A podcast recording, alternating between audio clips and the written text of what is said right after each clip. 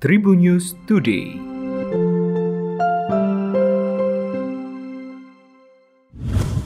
Tribuners berjumpa kembali bersama Hakim di Tribun News Today dan Hakim akan berbagi informasi menarik hari ini mulai dari informasi nasional, internasional, selebritis dan juga olahraga. Informasi pertama, kasus COVID-19 di Indonesia mengalami kenaikan dalam tiga pekan terakhir.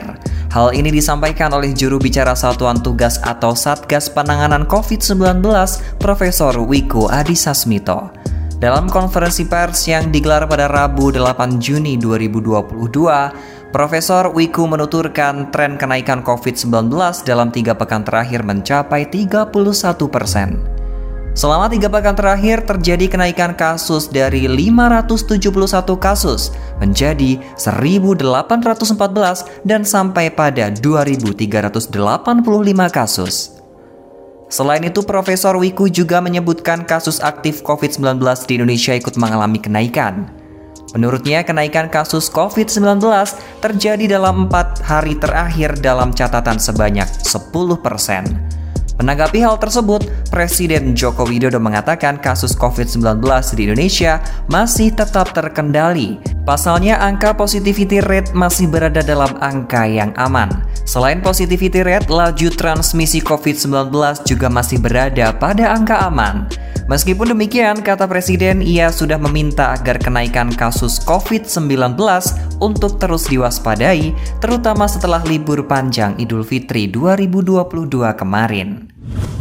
Informasi kedua tentang jenazah Emeril Han Mumtaz. Emeril Han Mumtaz berhasil ditemukan warga Bern, Swiss setelah dua pekan hanyut di sungai. Begitu mendengar putranya ditemukan, Gubernur Jawa Barat Ridwan Kamil langsung bertolak ke Swiss. Tiba di Swiss, Ridwan Kamil langsung memandikan jenazah anaknya pada Kamis 9 Juni kemarin. Saat memandikan Eril sapaan Emeril, Ridwan Kamil didampingi oleh ulama di Swiss. Menurut LP, kakaknya langsung mengusap memeluk dan mengumandangkan azan untuk Eril. Sebelum mengumandangkan azan, Ridwan Kamil disebut bertanya dengan ulama itu terlebih dahulu. Setelah memandikan jenazah sesuai dengan tata cara syariat Islam, Ridwan Kamil menghubungi keluarga besar di Indonesia, termasuk istrinya Atalia Praratia. Melalui akun Instagramnya, Ridwan Kamil menuturkan sudah melihat, memeluk, membelai, dan memandikan jasad Eril sesuai dengan syariat Islam.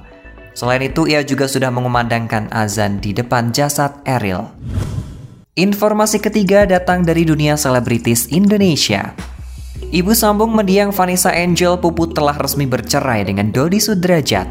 Selepas bercerai, Puput membongkar tabiat ayah almarhumah Vanessa Angel yang selama ini mengganjalnya. Puput mengaku karena memenuhi kebutuhan rumah tangganya lantaran Dodi Sudrajat tak pernah memberikan nafkah sepenuhnya. Bahkan Puput juga mencukupi kebutuhan Dodi Sudrajat untuk kebutuhan olahraga.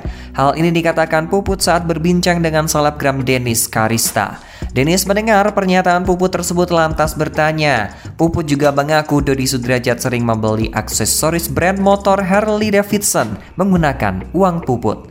Namun Puput mengatakan saat ini Dodi Sudrajat membeli aksesoris menggunakan uang asuransi Vanessa Angel. Bahkan, Dodi Sudrajat pernah meminta Puput untuk membelikannya motor Harley Davidson. Informasi terakhir datang dari dunia olahraga. Indonesia memiliki Markus Gideon dan Kevin Sanjaya serta Fajar Alfian dan Rian Ardianto sebagai wakil di semifinal Indonesia Master 2022 di sektor ganda putra. Kebetulan keduanya berada di dalam bracket yang berbeda. Alhasil tak ada kekhawatiran ketika mereka sampai di babak semifinal Indonesia Masters 2022. Pasalnya kedua pasang pebulu tangkis tak mungkin bersua di fase ini.